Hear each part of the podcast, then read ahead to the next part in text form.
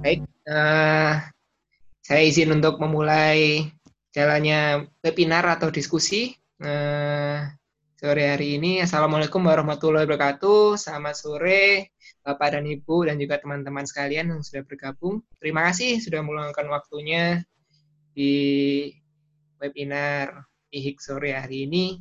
Ini adalah webinar kelima kami ya, yang masih berkaitan dengan webinar sebelumnya dengan tema Gus Dur. Kali ini kita, uh, kalau kemarin kita membahas logika humor Gus Dur, sekarang kita berhumor ya, dalam tanda petik dengan Gus Dur KW ya. Tapi KW-nya KW super nih ya. Mungkin uh, Bapak Ibu dan juga teman-teman sekalian sudah pernah uh, melihat beliau di layar kaca, atau mungkin di panggung off air ya, mungkin pernah nonton beliau beraksi secara langsung. Baik, uh, saya melihat beberapa nama yang sudah bergabung, banyak uh, wajah-wajah baru, tapi juga ada um, apa namanya peserta yang sudah lama gabung di webinar IHIK. Selamat datang, semoga uh, forum ini bermanfaat bagi kita semua. Uh, nama saya Ulwan Fahri, saya peneliti dari IHIK, saya akan mengantarkan eh, teman-teman ke diskusi sore kita sore hari ini. Sebelumnya saya perkenalkan dulu buat yang belum mengerti IHIK. IHIK adalah lembaga kajian humor yang profesional berbasis riset gitu ya. Kita punya perpustakaan humor pertama di Indonesia sudah dapat rekor muri gitu ya. Kami berkantor di Kelapa Gading. Organisasi ini didirikan oleh tiga orang yang sangat antusias terhadap humor. Ada Pak Seno Gumiraji Dharma, Pak Darminto M. Sudarmo, dan juga Pak Dhani Septriadi. Jadi eh, kami kegiatannya selalu humor ya, pokoknya berbau humor. Kita bikin simposium, diskusi, menerbitkan buku-buku humor juga, dan dalam waktu dekat kita juga akan menerbitkan buku besar ya, kitab humor dari Arwah Setiawan, 800 halaman. Tunggu tanggal mainnya. Kemarin sudah saya kami sebarkan uh, teasernya ya. Mungkin uh, ada yang penasaran tuh akan seperti apa isinya. Nanti uh, dalam waktu dekat insya Allah kami rilis. Jadi uh, kami perkenalkan juga uh, petugas IHIK yang bertugas hari ini ya, tim IHIK yang bertugas hari ini ada Mbak Novri selaku CEO IHIK. Nah, nah itu. Selamat Eh, datang juga Pak Dani Septriadi dan juga Pak Darminto, eh, co-founder IHIK yang sudah bergabung sore hari ini. Kemudian juga ada Mas Yaser yang nanti akan memandu jalannya obrolan dengan Gus Pur. Dan juga Mbak Nia. Wah, ini um, kemarin sudah bagi-bagi buku ya Mbak Nia. Sekarang bagi-bagi buku lagi nggak nih Mbak? Oke. Um, untuk teman-teman yang ingin uh, melontarkan pertanyaan atau ingin ngobrol langsung dengan Gus Pur ya, nanti boleh kirim chat dulu di kolom kolom chat send to everyone jangan lupa. Terus nanti uh, akan kami persilakan mikrofonnya untuk aktif.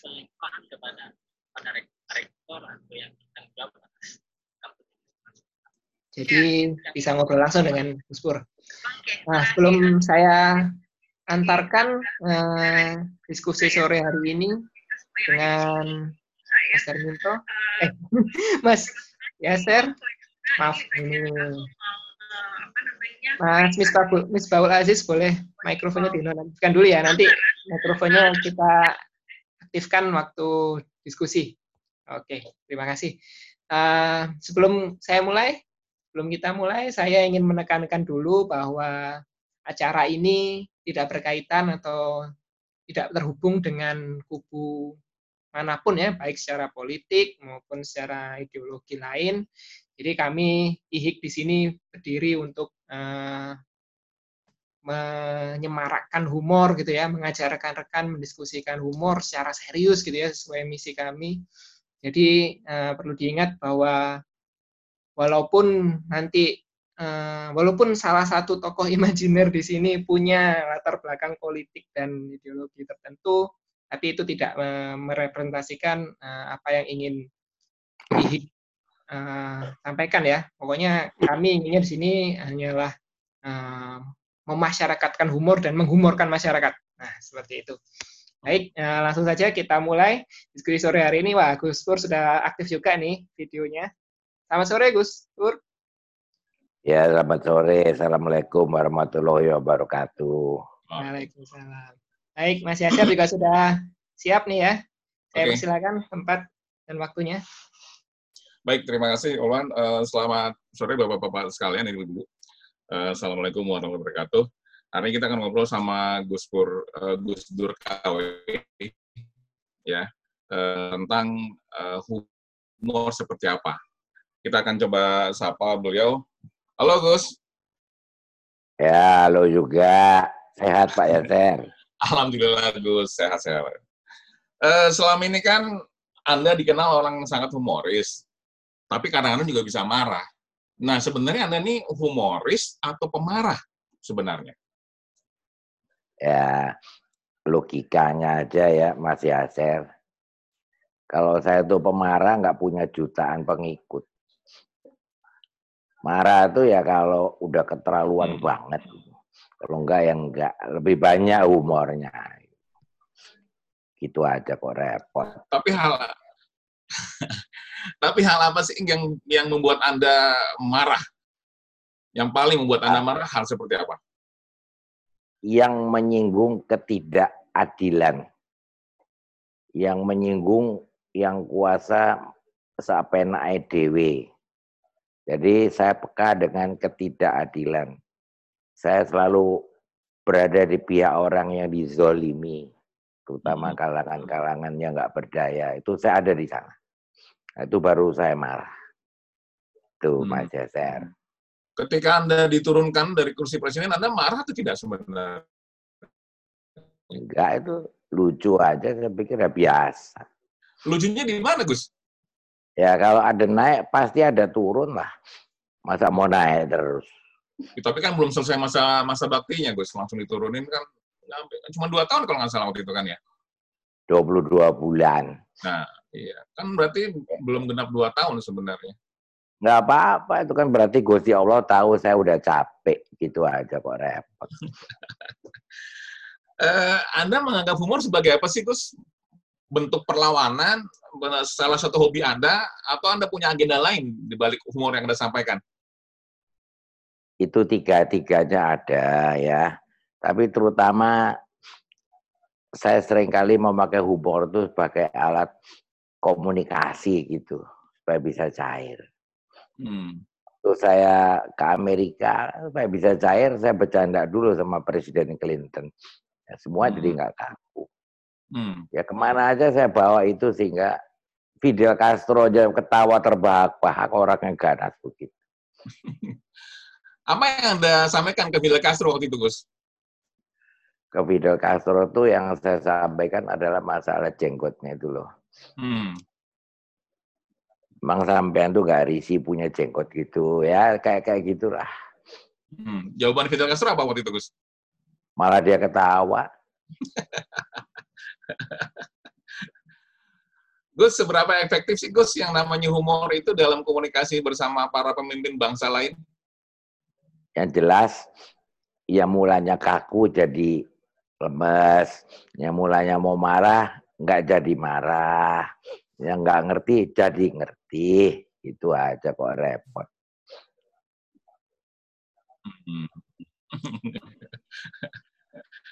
ada ada apa namanya bukan adegan mungkin ya ada kejadian yang uh, tidak tidak biasa ketika anda keluar dari istana menggunakan kaos oblong dan celana pendek. Itu tujuannya apa ya Gus ya? Tujuannya itu gini loh, Mas Yaser dan teman-teman. Itu kan waktu itu keadaan sudah memuncak, ada yang mau marah-marah. Ada yang bikin pasukan berani mati. Saya bilang jangan gitu ah, kita bikin pasukan berani hidup. Jadi menghadapi hidup kayak apa pun kita berani gitu. Artinya saya menanggapi itu dengan santai aja, nggak usah marah-marah. Buktinya kan diem, adem sendiri. Daripada hmm. pakai teori macam-macam, ya baik kita kasih contoh aja. Itu aja kok repot. Tapi bukan humor kadang-kadang bisa melecehkan orang lain, Gus, penggunaannya. Nah, itu yang saya hindari humor yang kategori slang, kategori melecehkan orang lain. Karena teori humor tuh salah satu tuh ya, ada objek yang kita dijadikan bahan lucu-lucuan itu saya tidak pernah pakai itu Pak Yaser. Hmm. Saya lebih banyak malah pakai humor saya arahkan kepada diri sendiri. Hmm. Sebagai orang pondok pesantren, apakah memang humor melekat di kehidupan para humor itu kalau di pondok itu udah menyatu Iya, kalau di pondok tuh humor tuh udah menyatu sehari-hari.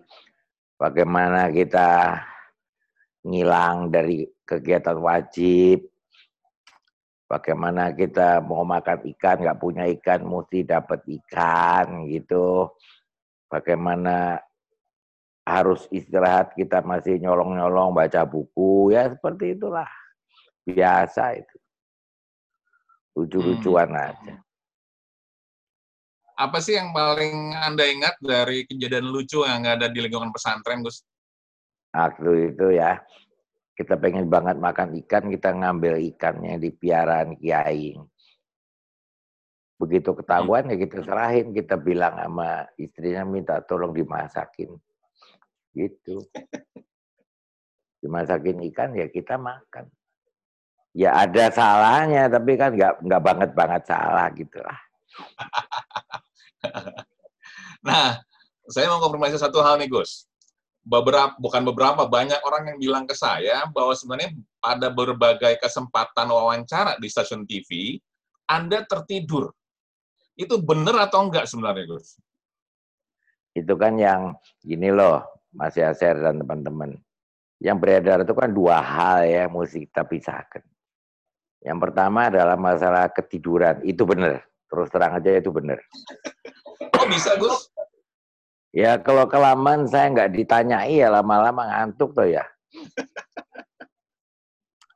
Darah dingin nah, pakai AC. Kemudian kan. gimana cara memanipulasi? Itu pertama Pak Yaser. Okay. Ya kedua yang sering orang ngomong, Gus Dur itu begitu bangun dia tahu sebenarnya enggak itu. Artinya sebelum saya ketiduran tuh hmm. udah saya ingat-ingat dulu diskusi tentang apa gitu gitu saya dibangunin ditanya ya nggak jauh-jauh dari situlah masih seperti itu. Jadi awalnya saya ikuti dulu, bukannya saya ambil tidur tapi ngerti enggak. Oh. Berarti anggapan orang selama ini bahwa Anda bisa tetap mendengar ketika tidur itu sama sekali nggak nggak benar ya Gus? Sama sekali nggak benar. Kalau masalah ketiduran, iya benar. Kan dua hal. Hmm, hmm, hmm, hmm. Nah, jenis humor yang Anda sukai, itu humor apa sih, Gus? Humor yang terutama itu ada, biarpun sedikit, ada muatan pendidikan. Harus ada. Hmm. Di samping hmm. itu ada muatan peringatan. Itu juga harus ada. Contohnya humor seperti apa, Gus? Contohnya begini. Ini saya jadi cerita ya. Humor terkenal dari Gus Dur nih di salah satu kapal pesiar itu suatu hari ya berkumpul empat kepala negara dari Amerika, dari Inggris mewakili orang kulit putih, dari Asia ada dua, dari Jepang dan saya. Hmm. Kita berkumpul berempat, kita mulai adu prajuritnya siapa yang paling berani. Itu dicatat dulu yang paling berani kan Amerika langsung manggil letnan sini. Coba kamu tolong nyebur ke laut, kelilingi kapal ini, kembali lagi ke sini. Padahal di laut itu kena banyak hewan buasnya kan. Hmm. Letnannya langsung copot baju, lompat. Begitu dia sampai kembali ke kapal, dia bilang, God bless Amerika. Gitu kan? Yang orang kulit putih lain, orang Inggris nggak mau kalah. Dia panggil sedikit di bawah dia, sersan, sini. Perintahnya sama. Sama, berani, lompat. Udah selamat dia naik kapal, dia bilang, God save the Queen. Yang terakhir, habis itu Jepang. Jepang nggak mau kalah, dia panggil lagi. Kopral, sini. Kopral, ya sama perintahnya. Sampai lagi ke atas selamat dia bilang, Bansai, Dai Nipong. Nah, orang terus, Indonesia gimana Gus? Ya saya panggil prajurit balok merah itu yang lebih bawah dari kopral.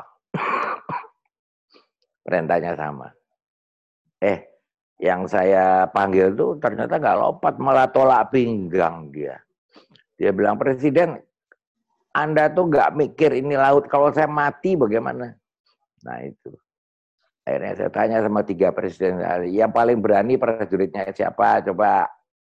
Yang paling berani ya prajurit saya yang bangka presiden. Jadi bukan soal nyebur lautnya. Berani bantah presiden itu udah berani banget itu. Begitu Mas Yaser.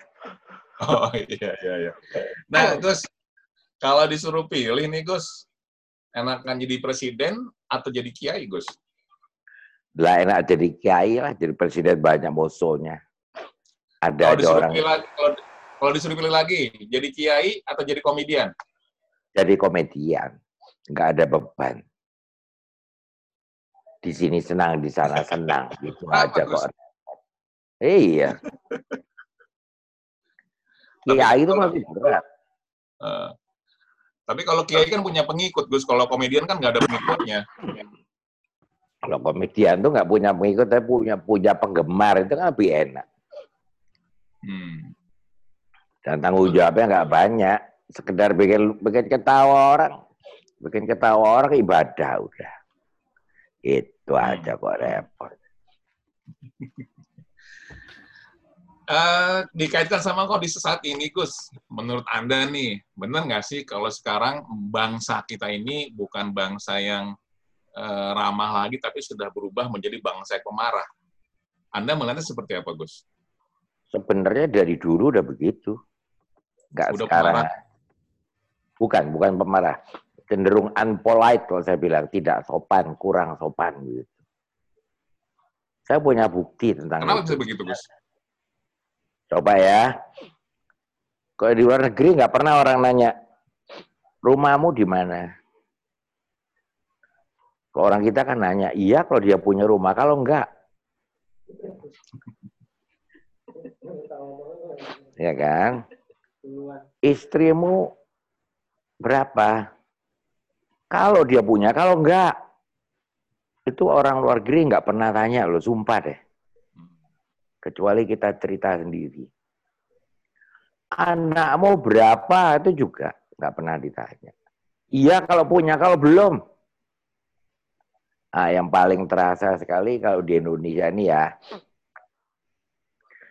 laki-laki yang udah usia 35 belum nikah atau perempuan itu jadi candaan menjadi pertanyaan terus buat mereka-mereka tuh kalau pertemuan tuh musibah tuh orang pasti nanya kapan kawin, kapan kawin. Coba tanyain orang-orang yang masih jomblo. Pasti begitu. Kalau di sana nggak pernah, itu udah urusan privacy.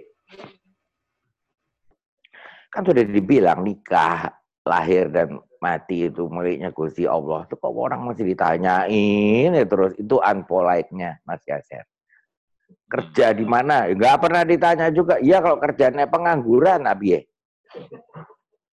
Kecuali orang tuh buka sendiri terlebih dulu, baru kita nanggepin. Jadi di situ memang kita agak sedikit kasar. Kalau hmm. pemarah, enggak lah. Kalau pemarah itu ya karena ada yang ngomporin, ada provokatornya. Itu kebenaran kondisi sekarang nyari kerja susah, perut lapar ya jadi marah.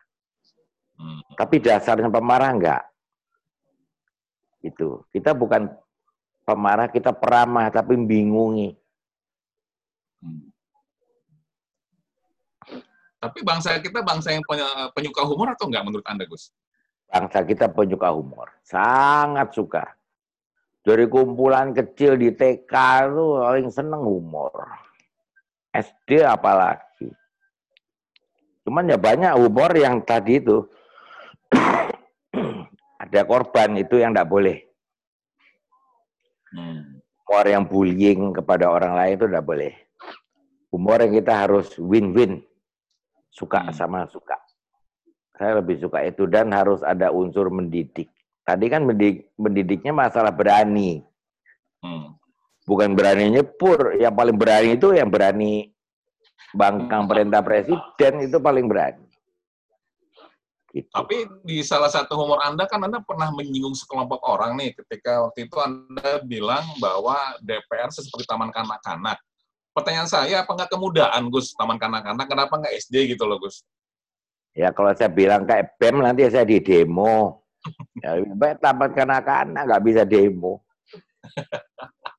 Tapi kenapa harus taman kenapa harus taman kanak-kanak, Gus? Apakah memang separah itu kondisinya? Parah, lucu-lucuan aja ngomong sini belum kelar, sana nyaut kayak orang minta satu permen, satu balon, belum kelar ngomong udah disambung yang lain. Ya taman kanak-kanak. Itu. Hmm. Apa yang dia mau segera harus dapat sekarang. Itu anak-anak kan gitu. Hmm. Kalau bilang kayak mahasiswa, saya nggak berani nanti di demo. Tapi Anda pernah mendapat protes langsung dari anggota Dewan ketika Anda bicara itu, Gus?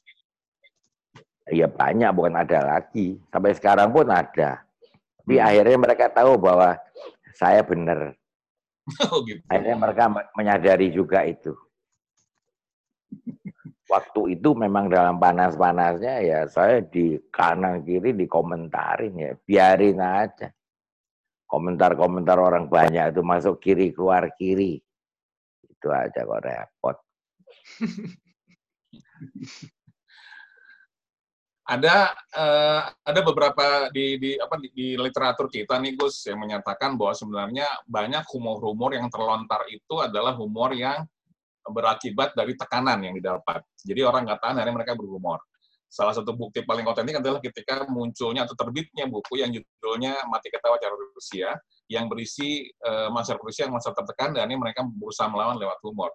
Apakah ketika Anda berhumor, Anda sudah juga sedang ter uh, waktu saya jadi waktu saya jadi ketua PPNU ada itu faktor itu. Dalam keadaan tertekan saya berhumor, ya kan? Humor yang terkenal tuh waktu ada orang menyelamatkan Pak Harto. Hmm, ada yang pernah baca nggak? Eh, pernah baca humor itu? Hmm. Seperti apa tuh? Bisa diceritakan mungkin? Ceritanya Pak Harto waktu itu hampir kelelep di sungai. Ditulungi orang. Udah selamat. Orang tuh nanya, Bapak ini sebenarnya siapa? Ya daripada saya itu ya Presiden Republik Indonesia. Jadi kalau saya beri pertanyaan daripada Bapak ingin apa? Nah, Bapak tuh bilang, keinginan saya cuma satu. Jangan diumumin bahwa saya nulungin Bapak gitu aja. Jangan sampai orang tahu bahwa saya nulungin Bapak. Itu umur orang dalam tekanan Mas Yaser, seperti itu. Tapi seberapa sering humor-humor seperti itu keluar dari dari mulut Anda, Gus? Jarang sih ya. Ya kebanyakan saya itu mendidik supaya orang nuruti kemauan saya tapi jangan marah gitu. Hmm. Nah, humor yang terkenal tuh humor orang Madura yang naik pesawat itu loh. Yang mana tuh, Gus? Dia beli karcis ekonomi duduknya di eksekutif. Hmm waktu pramugari nyuruh dia pindah dia bilang nggak bisa lawang sengkok lebih dulu di sini kok suruh pindah. Di sini kan bangkunya lebih besar besar. Hasilnya lebih ngindingin. Sengkok nggak mau pindah. Apa pangkat sampean nyuruh saya pindah? Gitu. Dan semua orang tidak bisa datang saya. Saya cuma tanya bapak tujuan mana? Tujuan Jakarta. Oh Jakarta di belakang kalau sini yang tujuan Surabaya, kata saya. Nah, pindahlah dia. Makasih Gus ya. Kalau ada sampean saya nyasar ini. Nah itu contohnya. Dengan humor kita bisa mencapai sesuatu. Uh, kalau dilihat nih Gus, menurut Anda ada perbedaan menarik nggak sih ketika Anda masih jadi presiden dan situasi saat ini? Apa yang bikin menurut Anda menarik untuk di, uh, dikaji? Yang menarik adalah kalau zaman saya dulu, yang Indonesia itu diambang perpecahan. Saya nggak berusaha datengin komunitas orang yang mau pecah itu. saya datengin bapaknya di luar negeri itu, bapaknya Papua siapa, bapaknya Kaltim siapa, bapaknya Riau siapa, saya datengin. Saya ajak ngobrol yang baik. Ya sambil ngelucu, akhirnya mereka ngerti kan diam sendiri toh. Nyatanya hmm. gitu. Dan zaman saya dulu ekspresi saya bebasin. Ekspresi inul, saya bebasin biarin aja. Nah ini juga ada, ada apa namanya seolah seperti melawan publik ketika publik marah dengan Inul dengan goyangnya itu anda malah bela dia. Anda nggak nggak punya itu kan anda berisiko jadi nggak disuai sama banyak orang gue sebenarnya. Nggak masalah. Orang mau suka sama saya boleh nggak suka ya nggak apa-apa. Gitu aja kok repot. Yang yang penting saya paham bahwa yang saya sampaikan itu benar. Kan saya bilang Inul itu kan ekspresi seni Ya nggak suka banyak, ya yang nggak suka nggak usah nonton. Ganti channel gitu aja kok repot. Nggak usah ribut-ribut. Intinya ribut-ribut malah jadi gede. Diamin aja nanti kalau udah bosan tak ya berhenti sendiri. Kan benar itu. Diamin aja nanti bosan ya berhenti sendiri. Nyatanya yang benar saya. Tapi Anda kan nggak pernah menyaksikan aksinya Inul seperti apa, Gus. Kok Anda bisa langsung ambil posisi untuk membela dia? Ya, siapa pun yang dizolimi orang, saya mencari orang ini benar. Harus saya bela lagi. Dia kan bukan porno. Dia cuma gaya. Gayanya begitu ya biarin aja. Nanti kalau udah bosan berhenti sendiri kan ya saya benar. Ternyata gayanya dia juga nggak diikutin orang se-Indonesia Emang saya Indonesia terus gue yang ngebor lihat Inul yang enggak juga. Uh, Gus, ada juga hal yang menarik nih. Ketika zaman dulu Anda masih menjabat jadi presiden, itu kan belum ada hoax ya yang beredar. Atau ada, cuman nggak seperti sekarang ya jumlahnya. Menurut Anda, menurut Anda nih, cara yang paling efektif untuk menangkal hoax itu apa, Gus? Ada dua. Yang pertama dari Menkominfo sama aparat hukum. Kalau terbukti, kasih sanksi hukum. Yang kedua adalah masyarakat kita didik. Biarin aja, nanti kalau kita biarin aja yang bikin hoax juga kapok, orang nggak ada peminatnya. Kalau kita tanggepin, kalau kita tanggepin makin jadi itu ya biar biarin aja suka-suka dia lah banyak orang mengaitkan antara konsumen hoax itu biasanya orang-orang yang nggak pernah baca. Gus, menurut Anda benar nggak seperti itu analisisnya? Betul. Orang-orang yang nggak pernah baca, kemudian maaf ini ya, pendidikannya juga nggak tinggi, sehingga nggak kritis kan penilaiannya. Hmm. Dan yang ketiga ya perutnya lapar, sehingga gampang dikomporin orang. Hmm. Coba hoax itu ditaruh di tengah orang yang rumahnya di Pondok Indah itu nggak diperduliin. Nah, dia segala-gala udah punya. Iya Ayo hoax itu ditaruh di pinggir sungai itu, orang yang makan nanti sore nyari pagi ini itu jadi. Hmm. Seperti itu, Mas Yaser.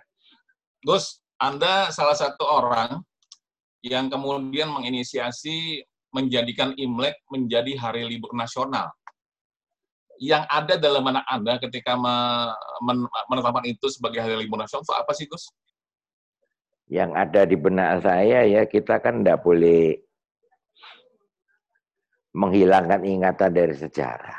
Hmm. Zaman dulu itu ya Indonesia oleh Belanda dibagi menjadi tiga tingkatan masyarakat. Yang pertama orang Barat, yang kedua orang Timur asing, Arab dan Cina. Vreemde Oosterlingen dalam bahasa hmm. Belandanya itu.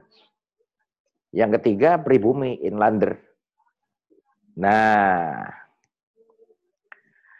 kasta Vreemde Oosterlingen itu dengan bahasa inlander berjuang melawan penjajah.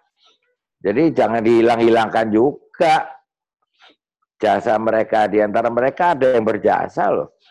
Pernah dengar ya Commodore John Lee? Itu orang mereka. Dan nggak semua dari mereka tuh jahat. Bahwa ada yang jahat, iya. Jadi mereka, saya bilang itu satu suku sendiri. Hmm. Yang ikut punya andil besar dalam perjuangan melawan bang, melawan penjajah. Menteri Kehakiman zaman Bung Karno kalau masih ingat atau kalau udah lupa saya kasih tahu namanya Ui Cutat, nggak ganti nama itu. Uh, pengacara yang paling terkenal juga orang sana. Atlet bulu tangkis yang paling hebat juga orang dia. Yang jadi orang-orang pinter ada sebagian yang nggak balik, ya orang dia. Masa mau kita buang? Kita akomodir lah, itu aset bangsa kok. Dan mengenai Imleknya sendiri, itu budaya, itu menambah kekayaan kita sebagai budaya. Budaya Jawa ada, reok, budaya Cina ya ada, budaya orang Batak ya ada, kan memperkaya. Nggak masalah kok itu. Nggak jadi kafir gara-gara memerayakan Imlek. Gitu aja kok repot cara Anda memandang keberagaman itu seperti apa, Gus? Keberagaman itu mutlak. Itu hak Gusti Allah. Siapa menentang berarti menentang fitrahnya dari Gusti Allah. Manusia memang beda. Bayanginlah kalau di dunia ini isinya sama, laki semua, apa nggak perang kita? Nggak bisa, memang berbeda. Ada bedanya ada yang berbakat jadi penulis, seperti Pak Mamannya rambutnya banyak itu penulis tuh. ada yang berbakat berakting kayak saya ya kalau semuanya mau acting nanti yang nulis sopo. Jadi perbedaan itu wajar lah dan itu kodrat alamiah dari manusia seperti itu. Nggak usah diributin. Gitu Mas Yaser. Tapi Anda selalu duduk eh, selalu berdiri di standing point-nya adalah orang-orang minoritas, Gus. Benar nggak sih, Gus? Gimana diulang? Uh, anda standing point-nya, titik berdirinya hanya di lingkungan orang-orang minoritas. Benar atau tidak? Enggak. Saya membela orang yang lemah dijauhi oleh yang lebih kuat. Itu aja intinya Mas Yasser. Hmm. Kalau mereka salah, biarpun mereka minoritas, saya bilang salah. Tapi kalau mereka benar, terus diperlakukan macam-macam ya saya bela. Itu aja repot. Gus, kita sama-sama tahu sekarang ini kondisinya pandemi COVID-19 nih Gus. Uh, anda punya himbauan nggak sih Gus buat masyarakat menghadapi pandemi ini dan siapa tahu mungkin Anda punya prediksi kira-kira ini bisa bisa sampai kapan nih kondisi ini terus berlangsung? Kalau mau jawabannya mau panjang mau pendek Mas Yaser? Uh, secukupnya Gus, saya garam. Oke. Okay secukupnya ya. Ya. Itu kan teman-teman selalu lihat tuh di klan layanan masyarakat tuh olahraga, berjemur, gizi seimbang. Kalau gizi kita kuat, nggak bakalan kita kena virus itu. Hmm. Apa yang gizinya kuat? Kok cuma nasinya banyak sama Kentucky yang nggak kuat gizinya, cuma kenyang. Cukup sayur dan buah, itu poin yang paling penting yang saya mau bilang buat anak-anak Indonesia sayur dan buah harus ibarat iring-iringan mobil dia for ridernya itu. Hmm. Racun racunnya nggak beres dibawa pulang keluar ke bawah. Ya, kemudian dia mengandung mineral yang memang dibutuhkan. Orang kan ingatnya cuma karbohidrat, lemak, protein. Kalium dia nggak tahu. Padahal orang hipokalemi mati loh. Hmm. Dan kalium itu hanya ada pada buah dan sayur. Seperti itu. Jadi kalau kita mau menghindari ini, kalau belum kejadian ya perkuat gizi. Kalau sudah kejadian kita tingkatkan daya tahan dan sering-seringlah cuci tangan. Habis megang gagang telepon, cuci tangan. Habis megang tombol lift, cuci tangan. Jangan megang wajah sebelum cuci tangan, itu intinya. Nah, kalau prediksi Anda nih pandemi COVID-19 bisa berlangsung sampai kapan, Gus? Kalau prediksi saya ya, kalau melihat dari orang yang meninggal lebih sedikit jumlahnya dari yang sembuh, ini kita sudah mulai mereda. Akan terus menerus. Nanti kalau musim panas datang akan lebih cepat redanya. Prediksi saya sih pertengahan Juni sudah kita mulai 70% bebas. Begitu Mas Yasir. Ya, Baik, uh, Gus Pul, terima kasih. Uh, untuk teman-teman yang mau bertanya, saya segera buka sesi tanya jawab dan saya serahkan kembali ke Puluhan. Silakan Puluhan. Oke, terima kasih Mas Yasir. Nah, ini kebetulan sudah banyak ini uh, pertanyaan yang sudah ngantri ke Gus Pur nih. Yang pertama coba Mas Rio dulu deh. Rio dulu, boleh aktifkan mikrofonnya? Mas Rio.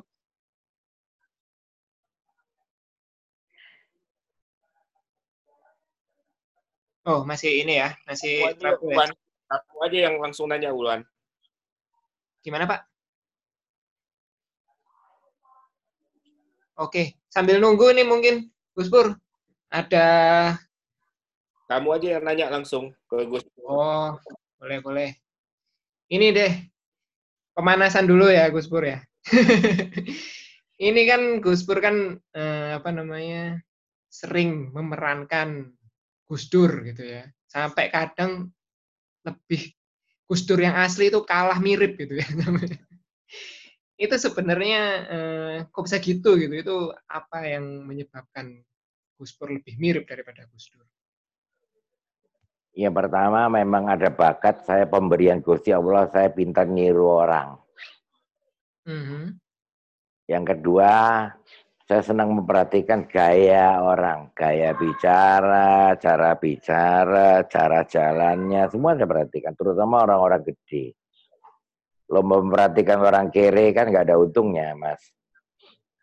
Nah, dari situ saya merasa kok saya mirip sama beliau ya, saya main casting dulu gitu. Eh menang. Seperti itu, Mas Ulwan. Oke. Jadi buat teman-teman atau mungkin Bapak Ibu yang uh, belum familiar ya dengan aslinya Gus Pur ini siapa. Beliau adalah Dokter Handoyo ya. Jadi latar belakangnya sebenarnya adalah tenaga medis. Betul ya, Gus Pur ya? betul, betul. Oke.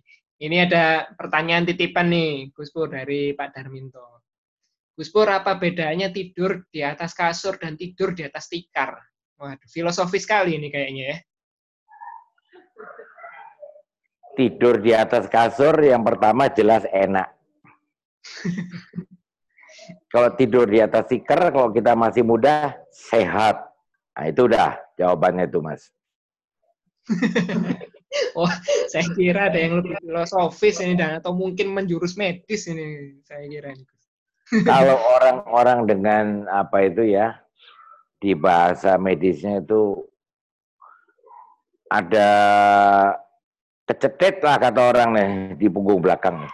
Yeah. Yang dianjurkan di atas di atas alas yang keras tidurnya supaya barang yang kecetet itu bisa kembali ke posisi semula. Okay. Itu lebih sehat. Oke. Okay. Nah, ini ada pertanyaan menarik nih Gus dari Mas Rio.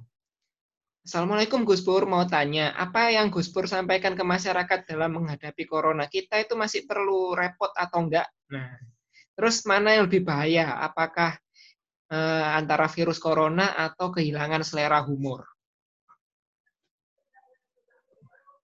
Saya jawab ya. Nggih, monggo. Tadi saya sudah jawab ke Yaser. Pertama, tingkatkan daya tahan. Ketiga, jaga kebersihan dengan kebiasaan cuci tangan, pakai masker lagi. Itu ya. Kemudian kalau berbahaya dan kehilangan selera humor itu sih ya selera humor tuh bakat sih ya. Tapi kalau kita udah punya selera humor tuh hilang ya rugi. Bahaya sih enggak. Kalau kehilangan selera humor itu diikuti dengan stres, dengan marah-marah tuh baru bahaya. Seperti itu. Malah ikut menurunkan imun kita juga ya Gus ya? Iya. Nah, ini Mas atau Bapak Tunggul nih udah angkat tangan nih. Boleh diaktifkan kamera eh apa mikrofonnya nggak? Ya, sudah, sudah aktif. Sudah. Halo? Halo, ya sudah aktif. Nah, ini dia. Ada Ya. pertanyaan nih katanya. Ya. Pak Tunggul, gimana? Ini, eh, saya mau coba Gus Pur. Pak Jokowi Ya. itu humor nggak Gus? Karena kalau kita, saya berapa kali lihat ya ketemu pernah, memang tuh cenderungnya humor. Cuman anak buahnya nggak pernah ada yang bisa humor. Gimana Gus? Saya kan nggak kenal secara pribadi ya. Ya, Tapi lihat ya. Nek lihat prejengannya sih mestinya orang humoris juga. ya, ya. Dia juga kalau ketawa kalau tertawa sampai pundaknya goyang-goyang itu Ya, betul, betul. Apalagi waktu dia ketemu, ya. Apalagi pas ketemu itu penyanyi pencipta lagu di istana itu, ketawanya sampai Iya. goyang badannya. Itu dia selera humornya Cuman, tinggi. Cuman karena dia presiden ya mesti jaga wibawa ya. Seperti itulah. Nah, Gus Pur, Gus Pur belum nggak waktu jadi presiden? Ketawa-ketawa aja. Kurang jelas. Jaga wibawa. Enggak, dulu waktu zaman menjabat, oh nggak ada jaga wibawa, Gus. Pak Oh. Jokowi katanya jaga wibawa, tapi waktu menjabat, Kalau saya kan memang bawaan lahir begitu. oh. Jadi biar saya tampil apa gitu. Biar saya tampil apa adanya tetap berwibawa. Jadi sekarang itu presidennya, presidennya suka humor, anak buahnya nggak suka humor gitu ya? Anak buahnya beberapa suka humor tapi tidak berani karena di hadapannya presiden gitu. ya, ya, ya karena saya lihat Pak Jokowi modalnya humor betul tuh untuk me, apa, membuka komunikasi dengan orang-orang. Saya lihat waktu di istana dengan artis pencipta lagu sama Bu Titi Puspa terutama itu seru dia tuh mendekati para seniman. Kalau saya lihat. Beliau itu kan kalau tertawa dengan gestur Betul. sampai pundaknya goyang tuh. Nih saya contohin tuh. Iya betul betul betul. Itu teori psikologi, Iya, betul, psikologi betul. bilang itu orang punya selera humor. Dan dilihat dari Iya iya. guratan pipi, senyum itu memang orang punya selera humor. Ya iya. Iya. Oke. Iya tuh, terima kasih. Terima kasih Pak Mas. Tunggul. Ya. Ya, sama-sama Mas, sama-sama Mas. Ya. Nah, ini ada em, pertanyaan lagi nih dari Mas Jingga Biru tadi siapa namanya ya? Yang namanya belum diganti sama anaknya tadi.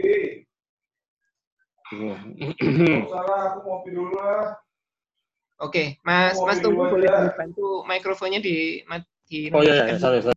Oke.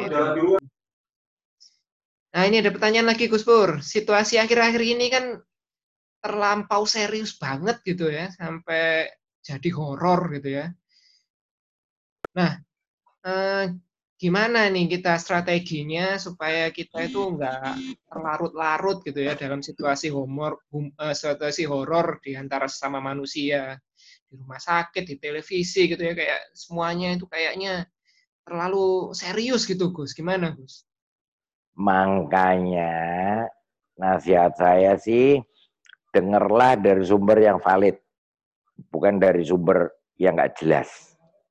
Terus YouTube YouTube itu banyak yang kontennya nggak jelas. ya kalau mau dengar dari Pak Arief Yurianto itu jelas. Intinya kita waspada tapi tidak perlu panik. Seperti itu.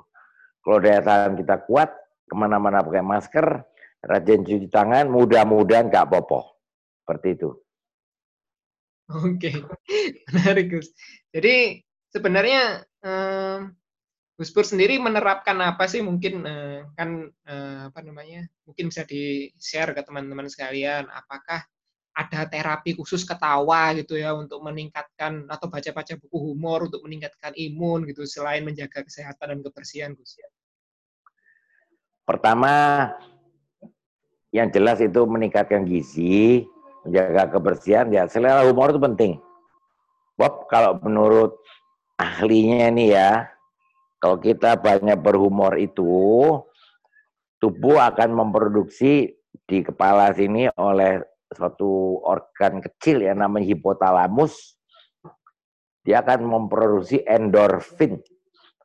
Endorfin itu membuat kita rileks. Otot-otot jantung dan pembuluh darahnya rileks. Nggak tegang. Tekanan darah juga normal. Metabolisme normal. Sebaliknya kalau kita tegang, sidik-sidik mendeleng marah-marah, yang dekat itu yang meningkat nanti adrenalin berpacu, udara menyempit, sesek napas, mata merah ya gampang sakit seperti itu Mas Ulian. Oke, menarik nih Gus. Gus, ini ada pertanyaan lagi dari Pak Darminto. Uh, Gus Pur kan sering sekali memerankan Gus Dur ya. Apa nggak khawatir diimpeni gitu atau malah sering sebenarnya sering diimpeni gitu. sering dikunjungi di mimpi uh, nggak pernah tuh malah tuh. Yang sering ketemu langsung aja. Dulu dulu waktu beliau masih sehat sering ketemu langsung dan baca-baca bukunya itu aja buku dari karangan Greg Barton tuh kan udah saya baca. Iya. biografi mengenai beliau. Dan lebih kurang presisi ya Gus apa yang digambarkan di situ? Atau ada mungkin ada hal yang bisa Gus Pur tambahkan selain dari buku itu? Tentang Gus Dur? Kurang jelas Mas Uyan. Dan kalau yang di bukunya biografinya Greg Barton itu lebih kurang sudah presisi ya Gus? Atau mungkin kalau Gus saya lihat sih paling tidak itu 90% langsung sumbernya langsung dari Gus Dur okay. pasti betul itu mungkin Gus Pur punya cerita yang bisa ditambahkan yang nggak ada di buku itu? Ini ya. Kalau ini bukan cerita, ini kejadian faktual diceritakan oleh beliau. Suatu hari diceritakan oleh Gus Dur. Suatu hari beliau sedang hemodialisa kan, cuci darah itu. Cuci darah kan makan waktu dua jaman gitu ya. Datanglah Greg Barton nih ngajak anaknya perempuan, kira-kira SD lah, namanya Hana. Nah si anak ini nanya sama Gus Dur, Gus, apa pendapat Gus Dur tentang hantu? Hantu itu benar-benar pernah nongol nggak gitu loh. Jawabannya Gus seperti ini. Saya punya cerita ini mungkin bisa menjawab sebagian pertanyaan anaknya Greg Burton. Gitu ya. Dia cerita, suatu hari dia kan orangnya senang ziarah nih. Dia ke ziarah ke makam dari jam 11 malam, udah standby di makam. Eh ketiduran. Dirian ya, dia memang nggak takut. Kira-kira jam 3 ada orang datang sendiri juga, mungkin mau ziarah juga karena saya kaget, kata Gus Dur, saya terbangun lompat. Lihat saya terbangun lompat, orang yang datang itu lari terburit-burit minta tolong. Nah itu. Intinya ya mungkin hantu yang begitu itu udah ada. Itu persepsi orang aja. Yang dikira hantu padahal bukan. Itu karena kebanyakan nonton film. Ada hantu, ada hantu nongol. Ya ada. Hantu itu memang ada, tapi ya nggak nongol begitulah. Seperti itu, Mas Ulwan. Oke, menarik nih. Uh, Ulwan, saya boleh nanya sama Gus Pur lagi ya, Ulwan ya? Boleh, boleh. Ya, Gus, uh, Anda memandang Pak Harto se seperti apa sih, Gus? Ngeri-ngeri sedap. Maksudnya gimana, Gus? Di salah satu wawancara Gus Dur itu Andi Noya nanya, Gus Anda tuh punya musuh nggak sih? Nggak punya, kata Gus. Tapi sebenarnya yang paling layak jadi musuh saya itu ya Pak Harto. Tapi itu pun nggak saya musuhi kata Gus Dur. Itu pun saya temenin baik aja. Jadi menurut dia itu nggak ada orang yang pantas jadi musuh dia. Dia levelnya di atas mereka-mereka hmm. yang dianggap musuh, pada bukan. Karena dia merasa lebih bijak, maka dianggap bukan musuh. Gitu Mas Yaser. Hmm. Ya, ya, ya. Ya, silakan lanjut Tuhan. Ada lagi pertanyaan di, di chat soal itu, Tuhan. Ya, ini ada nih pertanyaan dari Mas Samuel Adi. Boleh aktifkan mikrofonnya, Mas Samuel? Oh, siap. Nah, gimana tuh? Kan pertanyaannya ini, menarik nih. Gus Dur, kalau kira-kira Gus Dur masih ada sekarang, terus melihat Donald Trump, terus mungkin juga kenal gitu ya, kira-kira pendapat Gus Dur apa terhadap Donald Trump. Terus sama satu lagi, kira-kira Gus Dur tuh uh, senang nggak sama lagu-lagunya Didi Kempot? Ya? Makasih Gus. Saya jawab yang kedua lebih gampang nih. Pastinya senang. Dia pastinya senang. Lagu apa tuh Gus? Lagu-lagu yang bercorak kerakyatan dan membawa unsur budaya, beliau pasti senang.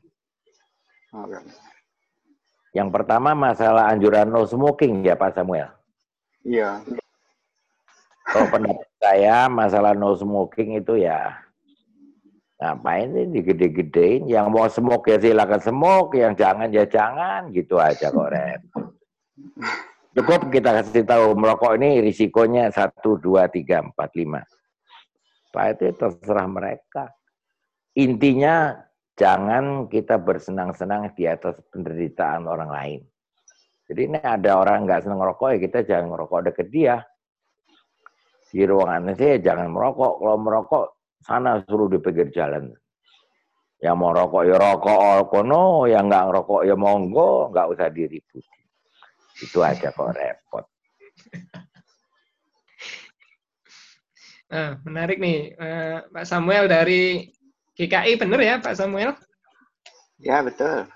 Nah itu mungkin mungkin uh, Bapak punya pengalaman pribadi dengan Gus Dur semasa ini mungkin bisa diceritakan atau pernah mendapat cerita apa gitu?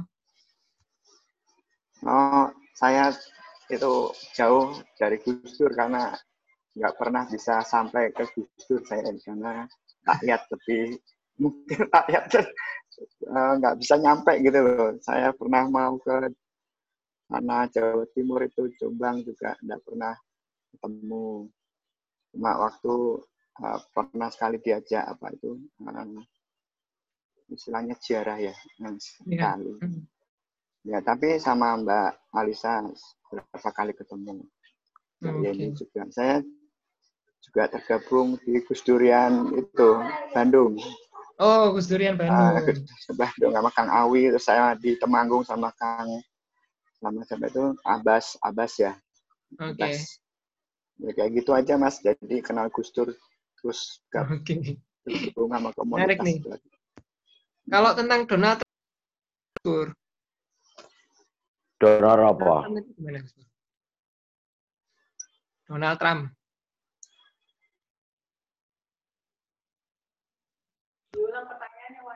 Oh, benar. Pendapat Gus Dur tentang Donald Trump bagaimana Gus? Sebagai pemimpin mungkin beliau Oh, Donald Trump. Ya. Gini ya, Mas Ulian dan teman-teman, siapa pun yang berhasil menjadi pimpinan suatu negara itu pasti ada campur tangan Tuhan. Pasti itu. Nggak mungkin Tuhan diamkan saja orang sembarangan jadi presiden Amerika. Mungkin dia kelihatannya sembarangan, tapi pada saat ini yang dibutuhkan oleh Amerika ya orang seperti dia. Sama kayak saya dulu. Agak nyeleneh kok jadi presiden. Ya memang waktu itu dibutuhkan Indonesia ya orang yang kayak saya. Itu aja kok rem. Menarik nih Gus. Ini ada pertanyaan juga nih dari Pak Rismi. Pak Rismi boleh aktifkan mikrofonnya? Beliau ini uh, dosen di Universitas Multimedia Nusantara ya. Pak Rizmi, bisa bergabung? Bisa. Nah, gimana tuh? Mungkin bisa disampaikan tanya-tanya langsung ke Gus Pur. Ya, Assalamualaikum Gus. Waalaikumsalam. Ini Gus, ini kan dalam situasi pandemi COVID ini, masyarakat kita ini antara mempertahankan hidup dengan pekerjaan itu kan beda-beda tipis itu Gus. Nah, terus sekarang banyak pekerjaan yang sudah tidak bisa dilakukan di Jakarta. Nah, masalahnya ada larangan untuk pulang kampung, Gus pemerintah menyatakan bahwa untuk Lebaran nanti itu dilarang pulang kampung. Nah, ini bukannya pelanggaran itu, Gus. Karena belum tentu orang yang dilarang itu belum nggak punya kampung, itu, Gus.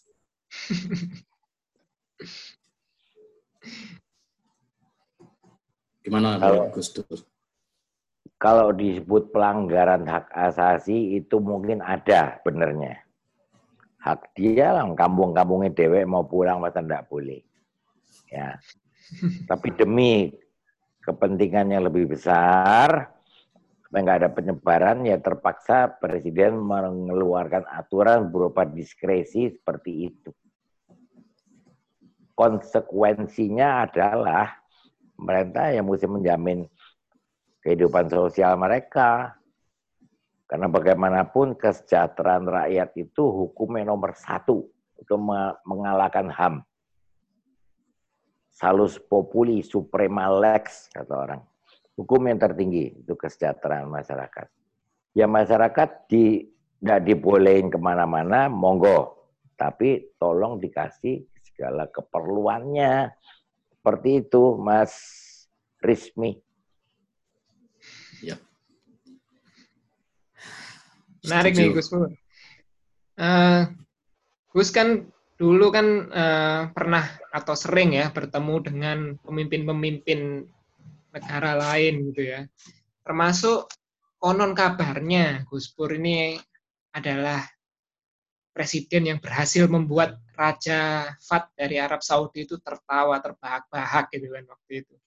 Itu gimana Gus? Bisa diceritakan mungkin apa yang terjadi terus jokesnya mungkin seperti apa kayak gitu.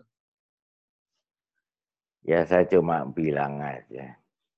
Kita nih kayak minyak. Boya bagi-bagi sama Indonesia seperti itu. Kalau rakyat saya ke sini boya disayang sama seperti rakyat Arab juga. Seperti itu aja. Ya dengan dengan gaya bahasa yang beda lah ya. Tapi intinya begitu. Tapi sebenarnya um, Gus Pur ini secara pribadi ya dengan humor yang terkadang itu menyerang gitu ya orang-orang penting atau orang-orang elit sebenarnya itu pernah nggak sih kayak um, mendapat ancaman atau apa gitu atau mungkin selama ini eh, jenengan tetap selamat-selamat saja karena punya backingan gitu ya, dalam tanda petik gimana tuh Gus? Enggak juga tuh. Soalnya saya sebelum sebelum sebelum buat lelucon tentang orang, saya masukkan juga lelucon tentang saya. Hmm. Gitu. Jadi orang tahu bahwa saya enggak sekedar menyerang aja. Kalau ya, saya nyerang diri saya sendiri juga. Seperti itu. Nah, ada tuh orang, ya gimana Gus? Kalau dibilang menyerang orang ya enggak lah. Soalnya ya. saya juga lebih banyak menyerang diri sendiri. Oke. Gus Pur mungkin bisa membagikan tips gitu ya kepada kami-kami semua. Gimana sih caranya kita itu bisa mentertawakan diri sendiri gitu. Mulainya itu dari mana gitu. Pertama harus diakui dulu bahwa kita manusia biasa yang nggak luput dari kelemahan. Itu satu. Yang kedua, kebenaran itu mungkin juga berada pada pihak lain. Bukan monopoli kita. Yang maha benar cuma Gusti Allah. Yang ketiga, masalah yang serius kita buat santai, masalah besar kita buat kecil, masalah kecil kita buat nggak ada. Jadi nggak usah sikit-sikit ribut-ribut seperti itu. Contohnya kan tadi udah ditanya tuh sama Yaser tentang Inul. Itu kan masalah kecil ngapain ribut-ribut. Awang nanti kalau udah bosan dia berhenti sendiri. Kan gitu. Oke, berarti Eh, Wan, saya boleh nanya lagi, Wan ya? boleh, boleh. Gus, Anda memandang pendidikan seperti apa sih, Gus? Penting atau enggak, Gus? Gini, kalau yang dimaksud pendidikan tuh cuma mau dapat ijazah, saya jawab itu nggak penting. Tapi kalau pendidikan tuh yang di sana dididik akhlak, adab, dan cara berpikir itu penting. Jadi mau diperhatikan ya, bukan cuma yang faktual, secara formal punya ijazah itu nggak penting. Oh, saya aja nggak punya ijazah apa-apa. Itu repot. Nah, berkaitan dengan studi itu, Gus. Gimana tuh waktu itu? Iya, yang- soalnya kan saya, kita dengar, saya dengar waktu itu Gus Dur tuh, Gus Dur selama di Kairo tuh bukannya sekolah lagi, bener nggak sih? Itu ada di ceritanya Greg Burton juga tuh. Ya enggak lah, saya sekolah. Tapi ya mungkin dicampur sama nonton film gitu ya. eh ya apa yang diajarkan di sana sebagian besar saya udah tahu ngapain lagi.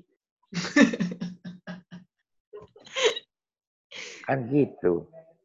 Itu makanya saya bilang kalau formal buat cuma dapat ijazah itu nggak penting. Tapi kalau akhlak, adab, cara berpikir kritis itu penting. Seperti itu, Mas Yaser, Mas Ulian. Oke, Gus Pur kan tadi kan punya pandangan ya kalau orang-orang itu yang meribetkan sesuatu gitu ya nggak usah di eh, perhatiin terus gitu ya. Nah sekarang gimana pandangan Gus Pur tentang orang-orang yang mengagung-agungkan Gus Pur ya bahkan eh, menyamakan atau memberikan gelar wali kepada Gus Pur ini seperti apa? Nah itu saya dari dulu selalu saya bilang itu keliru. Saya manusia biasa juga. Tapi mungkin kebenaran saya dapat kesempatan untuk belajar ke mana-mana.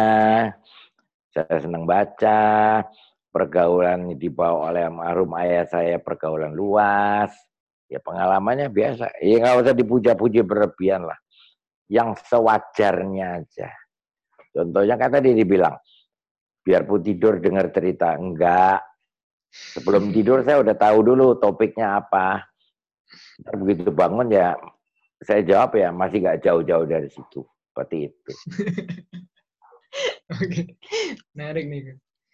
Nah, untuk apa ya namanya tokoh sendiri Gus yang benar-benar eh, menjadi apa ya pengaruh besar terhadap pemikiran Gus Pur yang melandasi Gus Pur bisa bicara ini bicara itu itu sebenarnya yang paling menginspirasi itu siapa sebenarnya?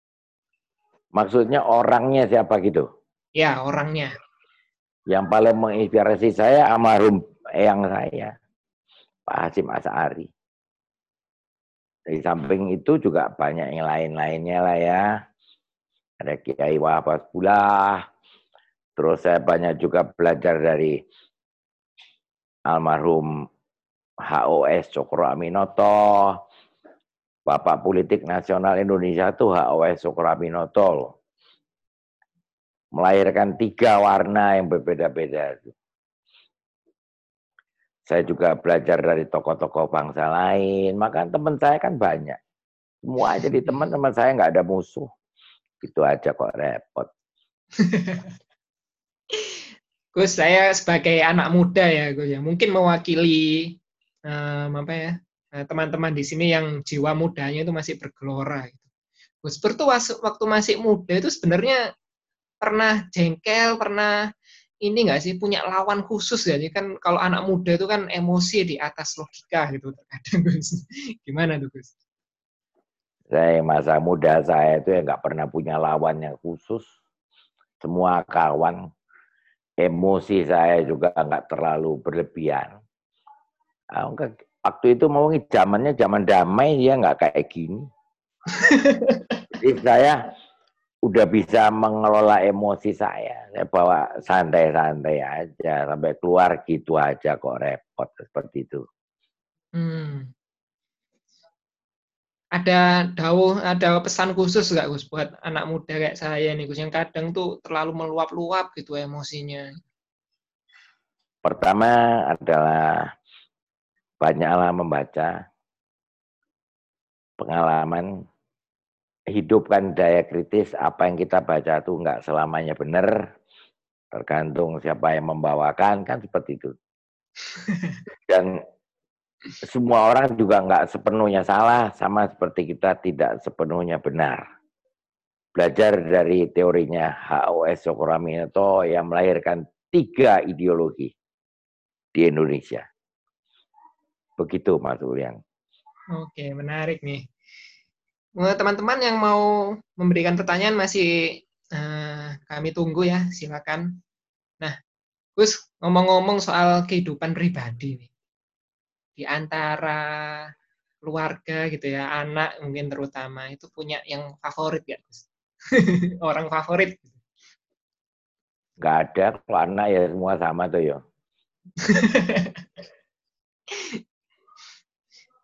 Tapi punya kisah-kisah ini Gus Pur pribadi dengan anak-anak Gus Dur? Zaman waktu masih main, saya ya kerap lah sama Mbak Yeni, sama yang kecil itu Mbak Inaya. Sekarang udah nggak pernah ketemu, masing-masing punya kesibukan sendiri. Hmm. Begitu, Mas Ulian. Kalau cerita waktu Gus Pur kan pertama kan eh, ikut audisi ya eh, di salah satu acara TV swasta untuk memerankan Gus Dur. Apakah ya. sebenarnya ada proses tersendiri gitu ketika Gus Dur mendapatkan posisi ini ke keluarga Gus Dur? Sebelumnya kan kita udah sering open house tuh kumpul di rumah beliau. Tuh. Mm-hmm. Terus adiknya beliau juga saya kenal, Dokter Umar itu, Gus Umar. Mm-hmm. Uh, terus Pak Effendi Ghazali juga main aja Gus, ya coba-coba ikut casting. Begitu. Jadi Waktu, yang paling, ya, gimana Gus? Yang paling menjiwai apa itu pemikirannya ya kebenaran dari delapan yang di casting itu saya. Terus ciri-cirinya beliau itu kan kalau pertanyaan sampai jawaban keluar begitu. Nggak pernah mikir lama. Kemudian jawabannya juga nggak pernah berdasarkan teori atau fikih gitu, enggak. Hmm. Berdasarkan kultur dan budaya. Itu Mas Ulwan. Nah, waktu uh, Gus Pur ikut audisi gitu ya, itu melihat uh, karakter peserta lain itu seperti apa, Gus? Apakah memang Gus Pur melihat ada sisi kelayakannya dari Gus Pur sendiri atau oh, dari wajah mereka semua lebih layak dari saya. Oke. Okay. Tapi begitu saya pakai aksesori, kacamata ya, kopiah miring, gaya, intonasi suara, dan yang paling penting pola pikir yang menang saya. Oke. Menarik nih Gus, ada pertanyaan baru nih. Oh, dari Pak Rismi lagi. Pak Rismi, ini uh, apa namanya? Bisa ada mic-nya bisa diaktifkan? Bisa, bisa. Nah, ini gimana nih? Ada pertanyaan tambahan nih. Boleh ya, Gus. Untuk yang kedua, bertanya, izin bertanya, Gus. Kalau boleh diceritakan, eh, sebenarnya Gus Dur itu adalah sosok seorang presiden yang gila apa, Gus? Soalnya kalau kita perhatikan, presiden pertama RI itu gila wanita. Yang kedua gila harta, sedangkan yang ketiga adalah gila ilmu. Nah, kalau Gus Dur itu gila apa? Monggo dijawab. Ini yang disampaikan sendiri oleh beliau. Presiden pertama itu gila perempuan, yang kedua gila harta, yang ketiga gila teknologi. Kalau saya membuat orang jadi gila. yang milih saya kan orang-orang gila itu. itu jawaban beliau. Gitu ya Gus ya. Ya, Oke, Mas. Mantap. Ada tambahan lagi? Mungkin punya cerita khusus dengan Gus Dur atau pernah punya pengalaman sendiri gitu? kalau dengan pribadi sih enggak. Oke. Jadi sejauh ini baru membaca kisah beliau dari buku gitu aja ya. Iya, Oke, betul. Menarik nih. Jadi em, untuk teman-teman yang sudah bergabung, kami mohon eh, berkenan mengisi form evaluasi untuk perbaikan ataupun masukan tema selanjutnya webinar nanti silakan disampaikan di situ linknya sudah tersedia di kolom chat kami mohon partisipasinya gitu ya Gus kalau boleh tanya lagi nih apa sih sebenarnya harapan Gus Pur itu terhadap eh, calon-calon pemimpin bangsa nanti ya terutama kan 2024 kan nanti akan punya pemimpin baru gitu nah Gus Pur tuh berharap sosok yang seperti apa gitu yang kira-kira cocok untuk negeri kita Pertama, sosok yang tidak menggunakan politik identitas. Sebab kita ini bangsa yang majemuk ya. Yang kedua, bisa merangkul semua pihak. Yang ketiga ya tadi, keselamatan dan kesejahteraan rakyat itu adalah hukum yang tertinggi. Semua rakyat, tidak pilih bulu.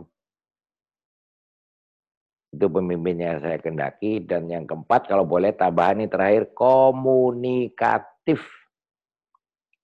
Kalau pemimpin nggak komunikatif, rakyatnya nggak ngerti pemimpinannya mau apa dan bagaimana. Itu aja. Oke. Kan Gus Pur sendiri waktu itu eh, Gus Dur sendiri punya strategi komunikasi politik sendiri gitu ya kayak misalnya bikin forum eh, setelah sholat Jumat gitu ya Gus ya. Ya, Tapi di sisi lain juga Gus Dur itu dipandang karena terlalu banyak humor itu membuat komunikasi politiknya jadi agak rancu gitu mana yang humor mana yang serius gitu. Gus Pur sendiri melihatnya sebenarnya eh, untuk mengantisipasi ini itu seperti apa? mungkin gini ya. Kita memang beda latar belakang kali ya. Kalau dari latar belakang pesantren ya banyak humornya. Pasti itu. Coba aja tanya kiai-kiai NU. Tapi ya sebatas itu tidak salah. Kalau menurut saya sih nggak apa-apa.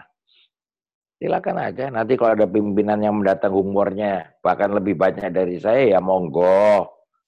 Yang penting perhatikan keselamatan dan kesejahteraan rakyat dan berjalan di atas undang-undang dasar. Cuma itu aja rambu-rambunya. Oke, Gus, kalau tadi kan harapan kepada pemimpin calon pemimpin bangsa gitu ya. Kalau harapan terhadap anak-anak muda nih, kan kita eh, apa ini namanya punya stereotip ini itulah kalau dilihat dari kacamata orang dewasa atau yang lebih tua gitu. Nah harapan Gus Pur sendiri atau Gus Pur melihat anak muda sendiri itu sebenarnya seperti apa? Saya kasih tip ya. Yang pertama dari pemikiran itu hilangkan dulu perasaan pingin. Ingin apa tuh Gus? Nah ini, pernah nggak ngerasain kalau kita lagi jatuh cinta sama lawan jenis? Ya begitu Gus. deket, begitu deket kita grogi, salah tingkah. Karena kita pingin, coba hilangkan perasaan pingin tuh. Bersahabat dulu, nah, semuanya jadi lurus. Anak-anak muda, kalau pingin jadi presiden, hilangkan dulu kata pingin tuh. Kalau pingin, jadilah pingin jadi orang lebih baik hari demi hari makin meningkat. Itu nanti akan datang dengan sendirinya, entah apa itu, pasti. Jadi jangan pingin tuh disebut pada sesuatu. Pingin jadi presiden. Jangan. Pingin jadi baik dari waktu ke waktu. Nanti Gusti Allah sendiri menempatkan kita di mana. Beliau yang paling tahu. Kalau cocok jadi presiden, ya ditaruh di situ. Kalau cocok jadi komisaris, misalnya ditaruh di komisaris. Gitu ya, Mas Ulian. Ya. Jadi kata pingin tuh dirubah dulu. Pingin jadi lebih baik dari waktu ke waktu. Tuh. Kalau Gus Pur sendiri melihat apakah Gus Pur ini sudah ada di titik terbaiknya gitu, Gus? Jangan sampai kita pernah merasa mencapai titik itu. Oh, gitu. Jangan.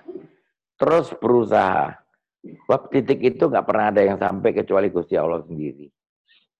Tapi kita harus berusaha tuh ya. Kalau hari ini kita begini, besok enggak, besok enggak. Tambah lama tambah baik lah. Kesempurnaan nanti setelah kita enggak ada di dunia ini lagi. Itu Mas Ulian. Oke, terima kasih Gus. Oh ya, untuk eh, teman-teman, uh, Bapak Ibu yang sudah bertanya tadi, kami akan mengirimkan bingkisan buku ya. Tapi saya boleh uh, panggil dulu yang pakai ID Jingga Biru tadi Mas atau Pak siapa ya? Saya lupa tadi. Jadi untuk pencatatan kami mungkin bisa dibantu teriak dulu di forum namanya siapa atau Mas Jingga Biru, Pak Jingga Biru. Karena ini udah di chat belum balas nih. Nah, takutnya kan salah kirim nih Gus. Kita, kita kirim. Oh iya, Pak Moses ya. Pak Moses ya tadi ya. Oke. Mbak Novri tolong dibantu, jadi Pak Moses tadi namanya. Baik. Um, oh, ini Gus, ada pertanyaan titipan dari Pak Darminto nih. Pak Darminto tuh ngapa sih nitip terus? iya itu dia Gus, nitipnya dikit-dikit lagi ya kan. oh iya, Boya nanya langsung kan bisa.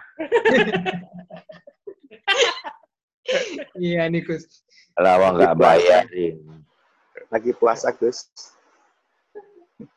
Oh, Pak Darminto ini ada suaranya bisa bergabung? Oh, nggak nggak jadi ya? Oke.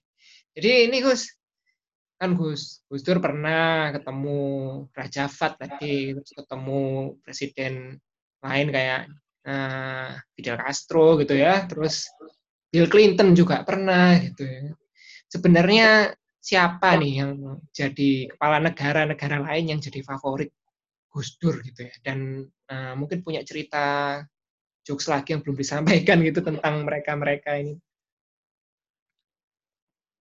Favorit nggak ada ya. Yang hmm. saya ada kagum. Nah itu kenapa tuh Gus? Saya paling kagum sama Fidel Castro. Itu lebih lama dari Pak Harto dari tahun 59 jadi kepala negara coba hitung sampai tahun 2002. Waktu dia mengalahkan Jenderal Fulgencio Baptista itu. Presiden. Dan yang kedua, Havana, Kuba itu sama Amerika dekat loh. Hmm. Nggak dihantam gitu sama Amerika. apa? Kalau takut dulu Fidel. Musuhan Mbak Amerika tapi gak dikapak-kapak ke. Satu. Dan kedua bagaimana bisa dari tahun 59 itu 43 tahun jadi kepala negara luar biasa. Itu yang saya kagum, ya itu aja. Oke. Ada kisah terakhir Gus mungkin yang belum tersampaikan tentang tokoh-tokoh kepala negara lain? Kalau tentang tokoh nggak ada. Saya cuma mau bilang perlunya komunikasi ya dengan cara apa pun. Ini ada cerita ya. Ya. Dulu waktu kuliah di Kairo tuh. Karena kan bahasanya orang-orang ya bahasa Arab kan. Ya. Ada mahasiswa yang baru datang ya bahasa Arabnya belum ngerti. Dia pengen ngeluh kepada pengurus apartemen itu pengurus asrama ya bahwa di kapas di kipas angin yang di ruangan dia mati. Tapi dia nggak bisa bahasa Arab. Gampang. Dia panggil itu kepala asrama. Sebelumnya dia ngomong itu yang di atas. Tahu lagi kipas angin kan? Ditanya lagi sama pengurus asrama, kipas anginnya kenapa? Tapi masih dalam bahasa Arab. Dia jawab apa? Innalillahi. Nah itu satu-satunya bahasa Arab dia tahu. Kipas anginnya innalillahi. Oh langsung dia tahu. Itu komunikasi. Komunikasi gaya, nah, komunikasi verbal. Apa yang terjadi dengan kopi kipas angin kamu? Innalillahi. Dia nggak tahu mesti ngomong apa. Seperti itu. Nah, ini menarik juga nih. Tapi karena keterbatasan waktu nih, Gus, kita eh, nggak bisa lama-lama. Jadi sesi terakhir ini ya, boleh teman-teman eh, mengaktifkan videonya ya. Jadi kita foto bareng untuk dokumentasi kita. Jadi kapan lagi nih kita foto sama Gus Dur ya kan di tahun 2020 nih ya. Walaupun Gus Durnya KW. Oke, silakan um, Mbak Novri dibantu untuk fotonya. Kapan-kapan masuk duluan. Iya, Pak. Ya, Gus. Diundang juga itu Mas Tri Agus itu. Oh iya. Sama Pak Maman ikutlah di kelompok kita ini ngobrol bareng. Kan banyak kita peroleh dari beliau dua itu, ya. Nah, Pak Tri Agus kemarin sudah tuh, Gus. ya lebih bagus kalau sore ini dia bergabung juga. Oke. Siap, Sama Gus. Pak Maman, yang saya tunggu-tunggu banget Pak Maman tuh. Oke, boleh tuh. Nanti kita agendakan. Maman tuh ilmunya banyak loh. Kita bisa ambil banyak dari dia. Baik. Oke, nah, fotonya juga udah selesai ya? Siap-siap ya. Oh, oke. Tiga ya. Satu, dua, Satu, tiga. dua. Oke. Sip. Oke. Mbak Nofri, terima kasih. Gus Pur, terima kasih banyak. Mas Yaser, terima kasih. Pak Dani, Pak Darwinto, Pak Ibeng, Pak Wayan, terima kasih banyak. Yang lain-lain yang sudah bergabung sore hari ini. Pak Rizky, Terima semuanya. Sama-sama, Mas. Noel. Ya, eh, terima kasih banyak. Semoga forum kita sore hari ini bermanfaat ya, Sama-sama. berguna bagi kita Terima kasih Gus semua. Pur. Sama-sama, terima kasih. Jalankan ibadah puasa selamat Pak berbuka. Turnuwun, Gus Pur. Ya, Sami-sami, Mas. Nah, oke. Mbak Rizka, selamat berbuka puasa. Nah, Mas Yaser, motor nun, Mas. Terima kasih Nofri, Terima Yaser, kasih, Ya. Pak. Gus Pak Dani, Duluan, ya, salam ya, kenal. terima ya. Mbak Nom, maaf kalau nun. ada kesalahan kata atau kesalahan teknis ya. Jadi semoga Ya. bermanfaat forum hari ini. Ya, buat teman-teman semua. Ya kita semoga kita semua sehat selalu, rezekinya lancar gitu ya Gus ya. Iya. Dan juga baik-baik juga untuk negeri ini. Oke, terima kasih kami Terima. mau undur diri dulu. Selamat sore. Wassalamualaikum warahmatullahi wabarakatuh. Waalaikumsalam. Waalaikumsalam.